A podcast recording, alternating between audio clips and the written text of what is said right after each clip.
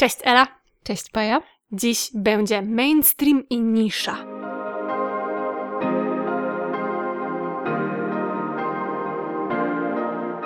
Cześć w kolejnym odcinku naszego podcastu. Bardzo się cieszymy, że jesteście tu z nami, bo cieszymy się, prawda, Ela? Oczywiście.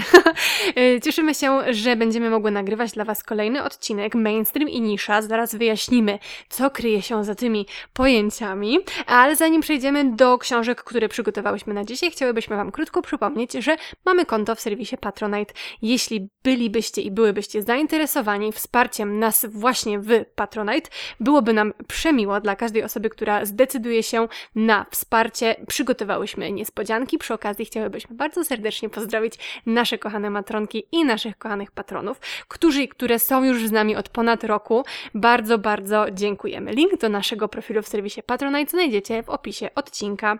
To tyle, jeśli chodzi o ogłoszenia, a teraz myślę, że możemy przejść do wyjaśnienia e, tego, czym jest mainstream i nisza. Może Tobie to zostawię. Ela, co Ty na to? Mogę się postarać. Znaczy, to nie jest jakieś bardzo mm. skomplikowane, ale tak chciałam stworzyć taki suspens, że o co chodzi. No więc mamy dzisiaj dla Was y, trzy książki i tak wyszło, że jedna jest z bardzo dużego, znanego wydawnictwa, a dwie, o których ja będę opowiadać, e, są myślę raczej nieznane i ja jeszcze się z, z żadną recenzją nie spotkałam na e, Bookstagramie i w tym małym świadku literackim, w którym się obracam, więc e, mam takie wrażenie, że trochę będę opowiadać właśnie o publikacjach niszowych. No i ja za to pójdę w ten mainstream. Czy ty chcesz coś jeszcze dodać, Ela, czy mogę przejść do tego mainstreamu? Możesz przejść, tak tylko patrzę teraz na te trzy książki i tak myślę sobie, że też mogłyby się nazywać od najgrubszej do najcieńszej, bo tak się pięknie układają, jeśli chodzi o e, grubość i ilość stron, ale to tylko tak na marginesie. Nie, no bo teraz ja tak patrzę na nie i widzę, że na wszystkich jest e, takie trochę odcienie zieleni i szarości i czerwone akcenty. To prawda. Kurczę, coraz więcej tych podobieństw. E, na pewno się jeszcze jakichś doszukamy, e, ale ja teraz chciałam przejść do tej mojej mainstreamowej książki, naprawdę super ekstra dobrej. E, dopiero co w zeszłym tygodniu Ela polecała Wam książki z wydawnictwa poznańskiego, co ja mówię, książki powieści. Skupiam się tutaj na słowie powieść, bo wtedy w tym odcinku mówiłam, że trochę brakuje mi jakiejś takiej powieści, która by mnie wciągnęła i znalazło się, słuchajcie, coś takiego. To jest książka Pięć ran, Kirstin Valdez Quaid w tłumaczeniu Agizano. Chciałybyśmy bardzo serdecznie pozdrowić Agizano, którą miałyśmy przyjemność poznać osobiście e, na e, niedawnym festiwalu w Wiśle Granatowe Góry. Bardzo serdecznie pozdrawiamy. Więc tłumaczenie tutaj jest po prostu e, oczywiście najwyższej próby, ale sama książka też jest bardzo dobra. E, trochę się obawiam, to znaczy chciałabym Wam bardzo dobrze opowiedzieć o tej książce, e, a tutaj jest bardzo dużo takich e, kodów kultury chrześcijańskiej, ja nie jestem najlepsza w ich odczytywaniu, ale może ty, Ela, mi coś pomożesz, e, jak będę opowiadać i powiesz, o, jeszcze to można by jakoś zklasyfikować. Bo mamy tu te pięć ran i o ile dobrze pamiętam, Chrystus miał pięć ran, prawda? Mhm. No więc tutaj mamy te tytułowe pięć ran, to jest e, pięć e, pięć członków pewnej rodziny, których poznajemy w tej książce. I właśnie te pięć ran, czyli te pięć osób, których, którym się tutaj przyglądamy, stanowią serce całej tej powieści. To jest książka zbudowana właśnie na postaciach. Nie wiem, co ty wolisz, e, Ela, e, bo ja bardzo lubię, gdy mamy do czynienia z powieścią, gdzie te postaci są naprawdę dobrze zbudowane, gdzie poznajemy wydarzenia z różnych punktów widzenia, tak jak mamy to tutaj, bo akcja, owszem, jest tutaj bardzo ważna. Spędzamy z tą rodziną cały rok, no ale to, co się dzieje, poznajemy poprzez odczucia, poprzez y, przemyślenia. Zmienia się po prostu ten punkt widzenia i dzięki temu możemy bardzo dobrze poznać y, rysy charakterologiczne. Nie wiem, co ty, co ty myślisz o tego rodzaju książkach. Czy to jest miejsce na przytyk? Tak. To ciekawe, że jak tak lubisz takie książki, to nie przeczytałaś jeszcze obietnicy Damona Galgata, którą ci polecam od dawna, dawna. Tutaj jest taka y, zasłona milczenia, tak się to mówi. No, no po prostu, no jeszcze nie przeczytałam, ale wiesz, że ona tam leży, Ela. Wiem, no. wiem, to tylko tak w ramach takiego e, droczenia się, a tak naprawdę chciałam powiedzieć, że jak widać, ja też bardzo, bardzo lubię takie książki i e, bardzo lubię to, kiedy e, autor pozwala, żeby, żeby postaci poszczególne prowadziły nas przez e, wydarzenia i pozwala nam patrzeć różnymi oczami na, na sprawę. Tak, no tutaj to naprawdę świetnie wychodzi. Te postaci zbudowane są no, tak przekonywująco, tak, e, tak wielo, wielowymiarowo. Byłam naprawdę pod wrażeniem tego i bardzo mocno zżyłam się z tym, co dzieje się w tej rodzinie. A dzieje się w sumie wiele bardzo złych rzeczy. To jest z wielu względów dysfunkcyjna rodzina, która na wiele sposobów próbuje sobie jakoś radzić. I te ich próby sięgania po lepsze życie, próby poprawienia swojej egzystencji, to są te sprawy, które zajmują ich na co dzień. To jest rodzina, która mieszka w małej miejscowości w Nowym Meksyku. e, W bardzo, no, ubogiej i nękanej przemocą i narkotykami okolicy. I no, te trudności środowiskowe bardzo mocno oczywiście na te postaci wpływają. Mamy więc nastoletnią Angel, która zachodzi w ciążę. Mamy jej ojca Amadeo, który jest bezrobotny. Mamy babcię Jolandę, która utrzymuje to wszystko, e, te sypiące się relacje, tego syna, który nie potrafi sobie jakoś poradzić swoją pracą i swoim zaangażowaniem. No i tak się zaczęłam zastanawiać, te pięć ran, które te postaci to, to są, to jest te pięć ran.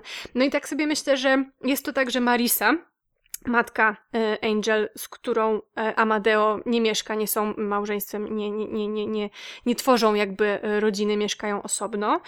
I jest jeszcze wujek, stary wujek który również no, stracił syna też y, z wyniku narkotyków, więc tutaj te, te historie są takie bardzo bolesne i, i pełne jakichś traumatycznych przeżyć.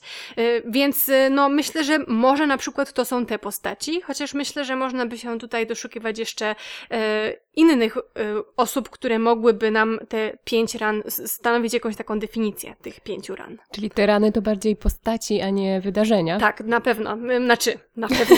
Ja to tak odbieram. Dla mnie zdecydowanie te pięć ran to są właśnie te osoby, które zostały skrzywdzone w bardzo różny sposób. E, Czy to właśnie przez e, sytuację ekonomiczną, polityczną, czy też bardzo e, tak w taki osobisty sposób. No, rodzicom Angel się nie ułożyło, to również matka Angel zaszła w ciążę, gdy była nastolatką, więc mamy tę nastoletnią ciążę, te nastolatki, które nie wiedzą, co ze sobą zrobić i jak teraz ułożyć sobie życie, ostatecznie sobie tego życia nie układają. E, Mamy tą Angel, która e, wy, no, w wyniku ciąży e, odeszła ze szkoły i trafiła do specjalnego programu dla młodocianych matek. No, mamy tą Jolandę, która miała męża alkoholika i która no, musiała udźwignąć e, bycie samotną matką, e, wychowywać syna i córkę. Więc no, zdecydowanie dla mnie te pięć ran to są właśnie te osoby, y, które tutaj spotykamy w tej książce. No i tak mówię o tych wielu dramatycznych wydarzeniach i jest to bardzo dramatyczna książka. Tutaj już zarysowałam wam trochę, może nie jakieś trigger warningi, ale problemy, z którymi mamy do czynienia jako czytelnicy i czytelniczki, ale mimo to Mimo tego, co się tutaj dzieje, e, to myślę, że już chyba też o tym mówiłam, o tym właśnie staraniu się, dążeniu do czegoś lepszego Mhm. i dążeniu do osiągnięcia czegoś i do jakiejś zmiany na lepsze, która mogłaby się wydarzyć. I ta potrzeba tej zmiany w tych postaciach jest bardzo żywa. E, Pierwszą taką prekursorką jakiejś pozytywnej zmiany jest właśnie ta nastoletnia Angel, która korzysta mocno z tego programu dla młodych matek i bardzo mocno chce, żeby jej się udało. I jakoś tak potem, e, myślę, wpływa tak bardzo pozytywnie na pozostałe postaci e, z jej rodziny, które również jakoś tak bardzo się e, zaczynają no, starać i zastanawiać, co mogłoby w ich życiu zmienić się na lepsze. To jest bardzo ciekawe. Czy ja teraz powinnam zadać pytanie Mhm. o te motywy chrześcijańskie? E, no, mogłabyś. A ja mogłabym się postarać odpowiedzieć. Czy to jest pytanie, rozumiem, tak? Tak, w takim razie tak. Jeśli mam zezwolenie, to pytam. To znaczy, no myślę, że mm, tutaj trzeba by było trochę spojrzeć na tę książkę właśnie z punktu, z punktu widzenia jakichś takich odniesień biblijnych. Ta książka zaczyna się w Wielki Tydzień i kończy się w Wielki Tydzień, więc już tutaj trzeba się doszukiwać czegoś, co przez to autorka mogłaby chcieć nam powiedzieć. Ostatnio mówiłam o środzie popielcowej, która no, otwierała nasze no, winy. I zobacz, prawda, miałyśmy wtedy to takie naznaczenie mm -hmm. y, dosłowne bohaterki. Tak. Więc myślę, że to w jakim momencie um, otwiera się ta książka i w jakim momencie ta książka się kończy jest bardzo ważne, zwłaszcza z punktu widzenia Amadeo, który ma bardzo wiele takich cech, e, no nie chcę powiedzieć Chrystusowych, bo oczywiście nie jest Chrystusem, no ale ma 33 lata, słuchajcie. Daje się ukrzyżować. To nie jest duży spoiler, bo to zaraz jest na początku.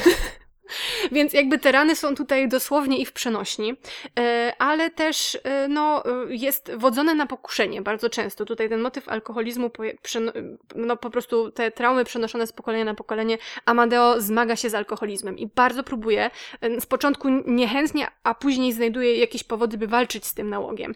I jest wodzony na pokuszenie w bardzo wielu kluczowych momentach, kiedy mógłby się właśnie dokonać jakiś przełom i kurczę, on raz za razem po prostu, no, totalnie mu to nie wychodzi E, aż w pewnym momencie ma miejsce bardzo ważny punkt przełomowy, o którym oczywiście nie będę opowiadać, co to jest za punkt przełomowy, bo to wszystko zostaje dla Was, ale no ten moment takiego, tego Tutaj nawet jest taka, taka scena, gdzie on się zastanawia, co zrobiłby Jezus.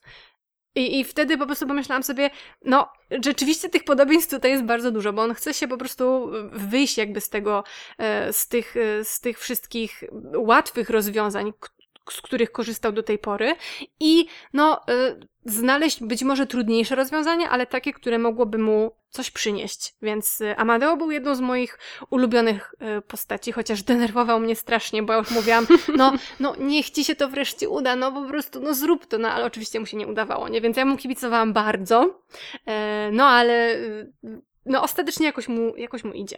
Bo ostatecznie myślę, że mogę powiedzieć, e, że ta książka ma raczej nie chcę powiedzieć happy end, no bo no bo to nie jest tego typu książka, która oferuje jakąś ostateczną, um, finalną scenę, której, po której wiemy, że wszystko będzie dobrze, ale jednak jakiś taki przebłysk e, czegoś dobrego.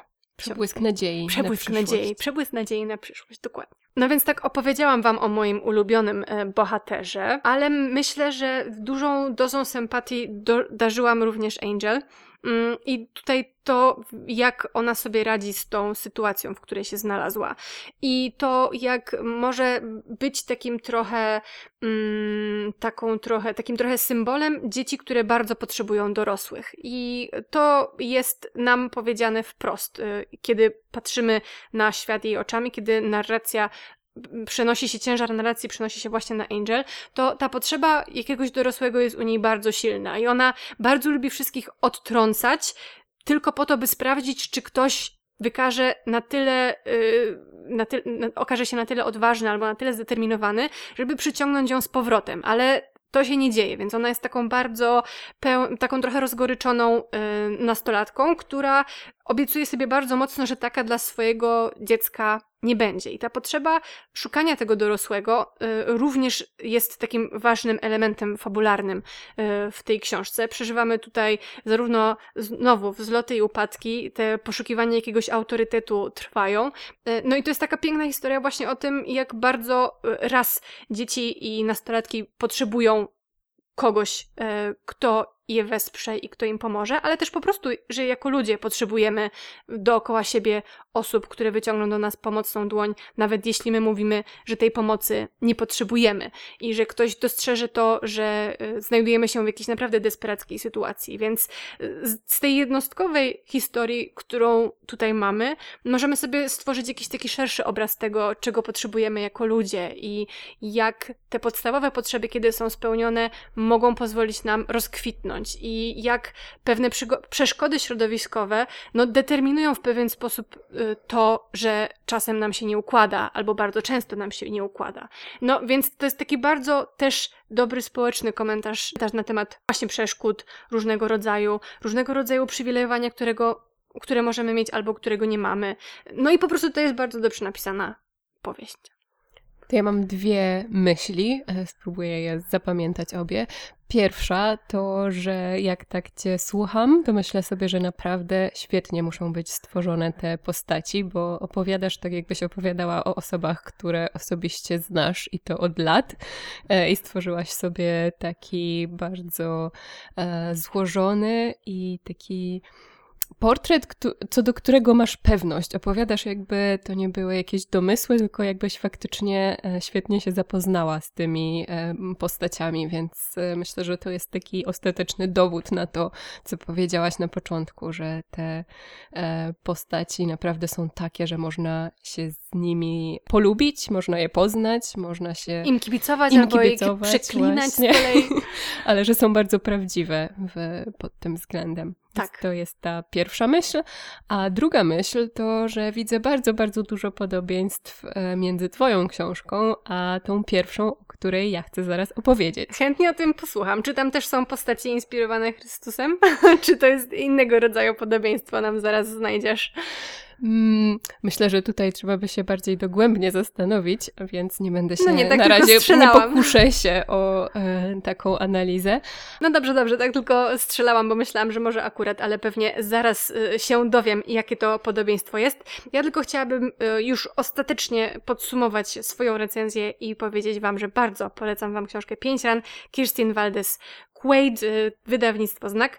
Y, książkę przysłało nam właśnie wydawnictwo do recenzji w ramach współpracy barterowej, y, za co bardzo dziękujemy wydawnictwu. No to już teraz to jest moje podsumowanie i teraz oddaję Ci głos. Dobra, to ja zacznę od podziękowań w takim razie, bo będę Wam dzisiaj opowiadać między innymi o książce Wylot Olesi Iwczenko z wydawnictwa Janka i książkę przysłało nam wydawnictwo z inicjatywy autorki, więc bardzo serdecznie dziękuję dziękujemy za ten prezent.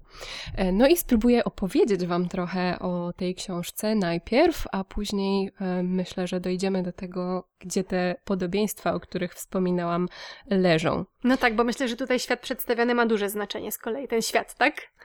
Z jednej strony tak, oczywiście, z drugiej strony mam wrażenie, że mimo wszystko te postaci również tutaj są e, ważniejsze, choć mogłoby się wydawać, że e, świat będzie odgrywał ogromną rolę, e, dlatego że to jest, myślę, można powiedzieć dystopia, chociaż ona jest taka prawdopodobna, że trochę jest to przerażające. To ta opowieść dzieje się w przyszłości, kiedy katastrofa klimatyczna jest już w bardzo zaawansowanym stadium, e, więc ludzkość musi w wielu względach dostosować swoje życie do tych nowych warunków, do tego, że e, miasta często padają ofiarą pożarów, powodzi i innych katastrof, są niszczone. E, pojawiają się nowe miasta, na przykład Nowa Itaka, gdzie rozgrywa się akcja tej powieści. No i w tych miastach przystosowanych do życia pod wieloma względami żyją ludzie, tak zwani rejestrowani, e, którzy podlegają bardzo szczegółowej kontroli systemu e, i w bardzo wielu względach e, podlegają właśnie różnym restrykcjom. Na przykład mogą mieć tylko jedno dziecko e, ze względu na ograniczoną ilość zasobów. E, no ale oczywiście to, że są częścią tego systemu, daje im bardzo wiele przywilejów, bardzo wiele korzyści i mimo tego, że, że ten świat e, jest taki zubożały pod wieloma względami, taki niebezpieczny, to ci ludzie żyją w takim względnym komforcie. No tak, bo pewnie mają pierwszeństwo do zasobów i tak tak dalej. Tak, tak, tak jest. No ale oprócz tego mamy e, drugą oczywiście grupę. drugą grupę, e, nazywaną przez e, większość antysystemowcami, a przez innych, przez aktywistów czy osoby bardziej empatyczne są oni nazywani wykluczonymi. I to jest grupa ludzi, która żyje na marginesie w każdym możliwym znaczeniu tego słowa, boryka się z różnego rodzaju niedoborami. Są oni uważani za społeczne społecznych pasożytów, bo e, oczywiście system wysyła im pewne dary, wysyła do nich wolontariuszy, którzy z dobrego serca idą na przykład uczyć dzieci w, w ich szkołach itd., tak itd. Tak no i, i z takiego środowiska, właśnie ze środowiska wykluczonych, e, pochodzi jedna z głównych bohaterek, bo mamy dwie główne bohaterki w, w tej książce. Ariane Bird, która jest już po osiemdziesiątce, więc jej historia e, sięga daleko w przeszłość i dowiadujemy się w pewnym momencie, kim była e, wcześniej, jaka była wcześniej, co robiła dawniej. Rozumiem, e... że to taki ważny punkt zwrotny, bo tak się uśmiechasz tajemniczo. Tak, tak, to jest oczywiście bardzo ważne, kim była i jak jej losy się potoczyły, co się z nią działo. Myślę, że właśnie może to jest dobry moment, żeby wspomnieć troszkę o, o autorce i o tym, że autorka jest między innymi psycholożką i psychoterapeutką, i myślę, że to bardzo dobrze widać w, w kreacji postaci e, i właśnie w kreowaniu ich reakcji na różne wydarzenia, e, tego jak się czują, też w dostrzeganiu tych punktów e, przełomowych i tego, co może na człowieka wpłynąć, co może go z jednej strony złamać, e, to z drugiej strony może go zainspirować, nawet w taki sposób wydawałoby się nieprawdopodobny, e, zmienić jego zachowanie czy jego spojrzenie na, na różne rzeczy. Więc to w obu tych, w przypadku obu tych bohaterek jest e, bardzo, bardzo zauważalne. No to widzę to podobieństwo właśnie tych mocnych, mocno, do, mocno i dobrze wykreowanych postaci, które niosą e, trochę wartość tych książek.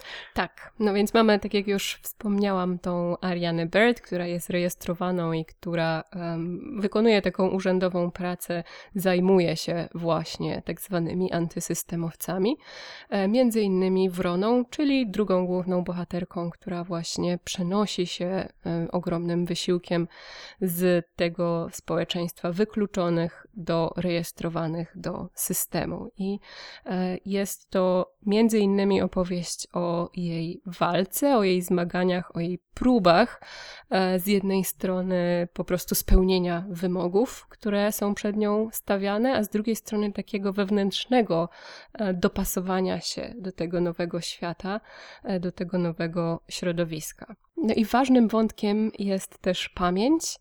E, mamy tutaj firmę, która zajmuje się między innymi wchodzeniem, tak zwanym, czyli wchodzeniem w pamięć ludzi już nieżyjących, e, po to, żeby właśnie e, zbadać ich wspomnienia, ich doświadczenia itd. Tak Duża część książki jest poświęcona właśnie mechanizmom pamięci. Oczywiście tutaj mamy to ubrane trochę w science fiction, ale te mechanizmy jak najbardziej są e, prawdziwe, istniejące w naszym realnym, rzeczywistym świecie. I to też jest bardzo, bardzo ciekawy element, jak ta pamięć działa, jak się to wiąże z postrzeganiem świata, z różnego rodzaju doświadczeniami i z tymi filtrami, o których często mówimy, przez które każdy z nas patrzy na świat, doświadcza go i go zapamiętuje. Ja sobie pomyślałam też o tożsamości, prawda, że ta mhm. pamięć y, i tożsamość, że to są bardzo mocno sprzężone y, ze sobą zjawiska. To, co pamiętamy, kształtuje to, jacy jesteśmy i to, co zachowujemy pamięci wpływa mm, też na to, jakie decyzje podejmujemy, więc wydaje mi się to też po prostu tak patrzę na tę okładkę i no jakoś tak myślę sobie też o maskach i właśnie albo mhm. o ukrywaniu się, albo zmienianiu barw. Tutaj główna bohaterka Wrona zmienia strony, tak sobie to trochę e, tutaj systematyzuje, ale znowu te wybier- mówiłaś o właśnie dopasowywaniu się do jakiejś tożsamości, zmienianiu siebie samej, jakichś własnych wartości, po to, żeby coś osiągnąć i, i, i jakoś po prostu żyć, więc e, no, wydaje mi się, że ta pamięć i tożsamość to bardzo ważne i sprzężone ze sobą zjawiska, prawda? Tak, jak najbardziej. I też to użycie słowa maski bardzo mi się podobało, bo myślę, No bo to że... tak wygląda właśnie. Tak, tak. I okładka to sugeruje i treść też e, na pewno pozwala właśnie na mówienie o maskach i o tym, kto je nosi i, i dlaczego, albo dlaczego jest do tego e, zmuszony. No więc to tak w skrócie, o, o czym jest ta książka. Myślę, że właśnie zastanawiam się, jak to powiedzieć, bo z jednej strony to była taka książka, w którą ja się naprawdę bardzo wciągnęłam. Obie się wciągnęłyśmy w te, bo ja, w pięć, ja czytałam pięć ran, a ty właśnie e, wylot, prawda? I tak, obie po prostu nic, tak. tylko to. Czytałyśmy je jednocześnie i obie siedziałyśmy w tych książkach, tak jak zwykle lubię e, czytać kilka książek równocześnie i się przerzucać z jednej na drugą, tak e, wylot na tyle się wciągnęłam, że po prostu chciałam najpierw skończyć wylot e, i, i tyle. Więc z jednej strony czyta się to naprawdę trochę jak taką powieść e, typową science fiction, trochę jak e, jakąś dystopię, trochę jak jakąś powieść przygodową. Trochę też e, to jest kwestia tego, o czym ty mówiłaś, że tak bardzo kibicujemy tej bohaterce, czy tym bohaterkom. Albo tak bardzo angażujemy się, Właśnie. jeśli już nie chcemy kibicować. Więc tak bardzo angażujemy się w tę historię, że chcemy, żeby ona się toczyła do przodu i chcemy się dowiedzieć, co będzie dalej. Co tam, co tam. Co tam, co tam. Z drugiej strony to jest książka, gdzie naprawdę jest bardzo dużo e, rzeczy w tle, jeśli tak to mogę powiedzieć, czyli tych problemów, które mogłabym tutaj wymienić, które są e, poruszone, bo mamy tą grupę wykluczoną i to, jak działają ludzkie społeczeństwa, to, że zawsze szukają takiej grupy, którą mogłyby wykluczyć i jednocześnie wykorzystywać. Albo o coś obwinić. Albo też, o coś nie? obwinić, właśnie. E, o tym, jak działa chciwość i o tym, jak nawet w obliczu tak zaawansowanej katastrofy klimatycznej wciąż e, mogą być takie jednostki czy grupy, które nic sobie z tego nie robią i myślą wyłącznie o swoim zysku.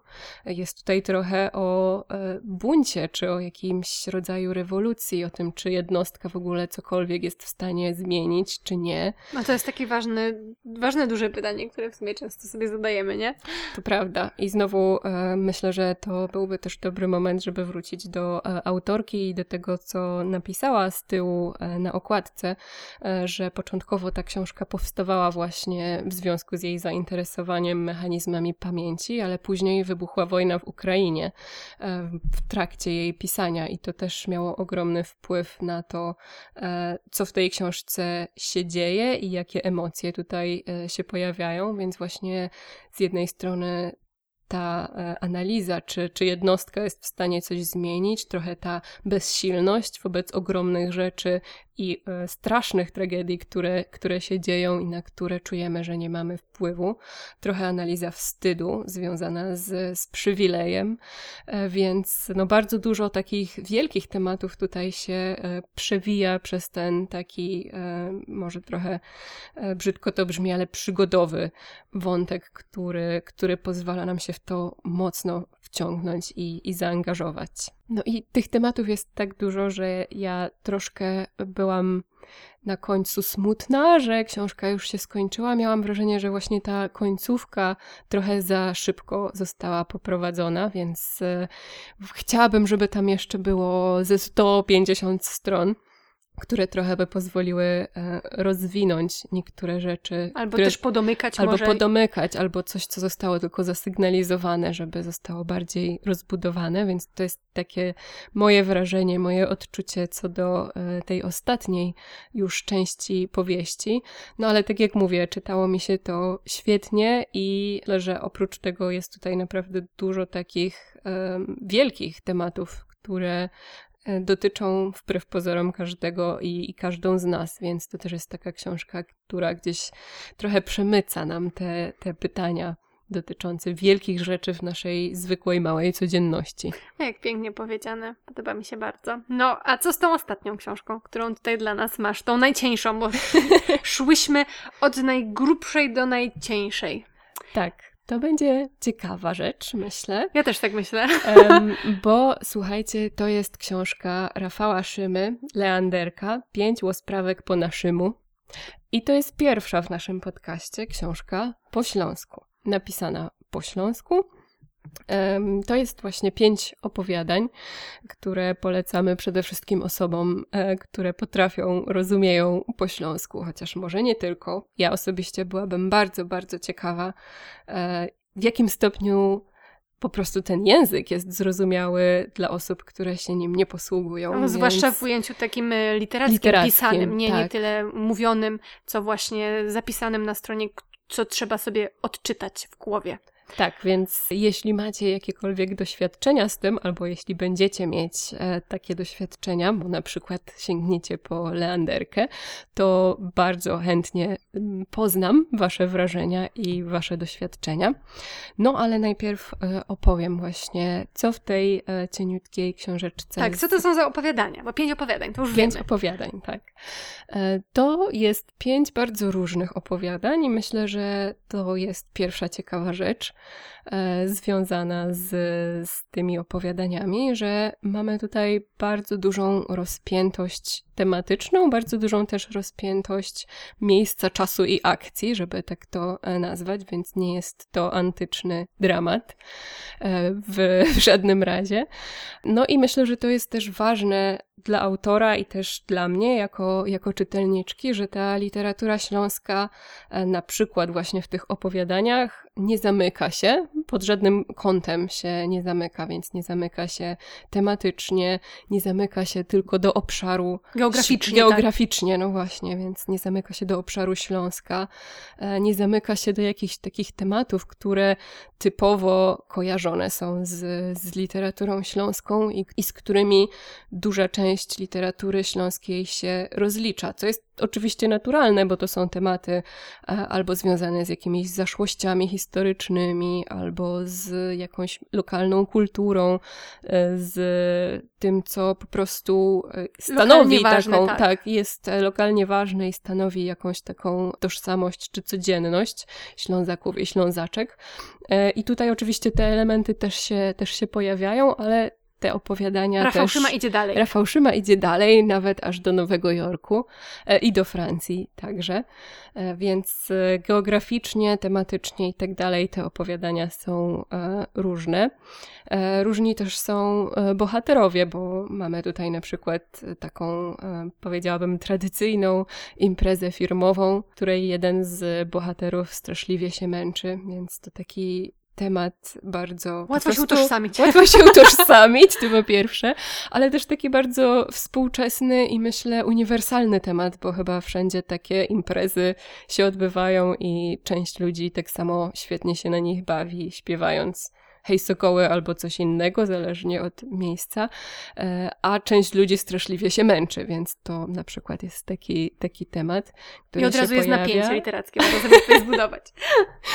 No właśnie, inne opowiadanie, tak jak już mówiłam, przenosi nas do Nowego Jorku, e, jeszcze inne e, dzieją się w, w Katowicach, więc w mieście, z, które, z którym ja bardzo jestem zżyta, bo z Katowic pochodzę, więc to zawsze jest coś wspaniałego i coś wartościowego czytać o swoim mieście i podróżować po tych tekstach, tak jak się podróżuje po mapie albo po ulicach, e, które się zna.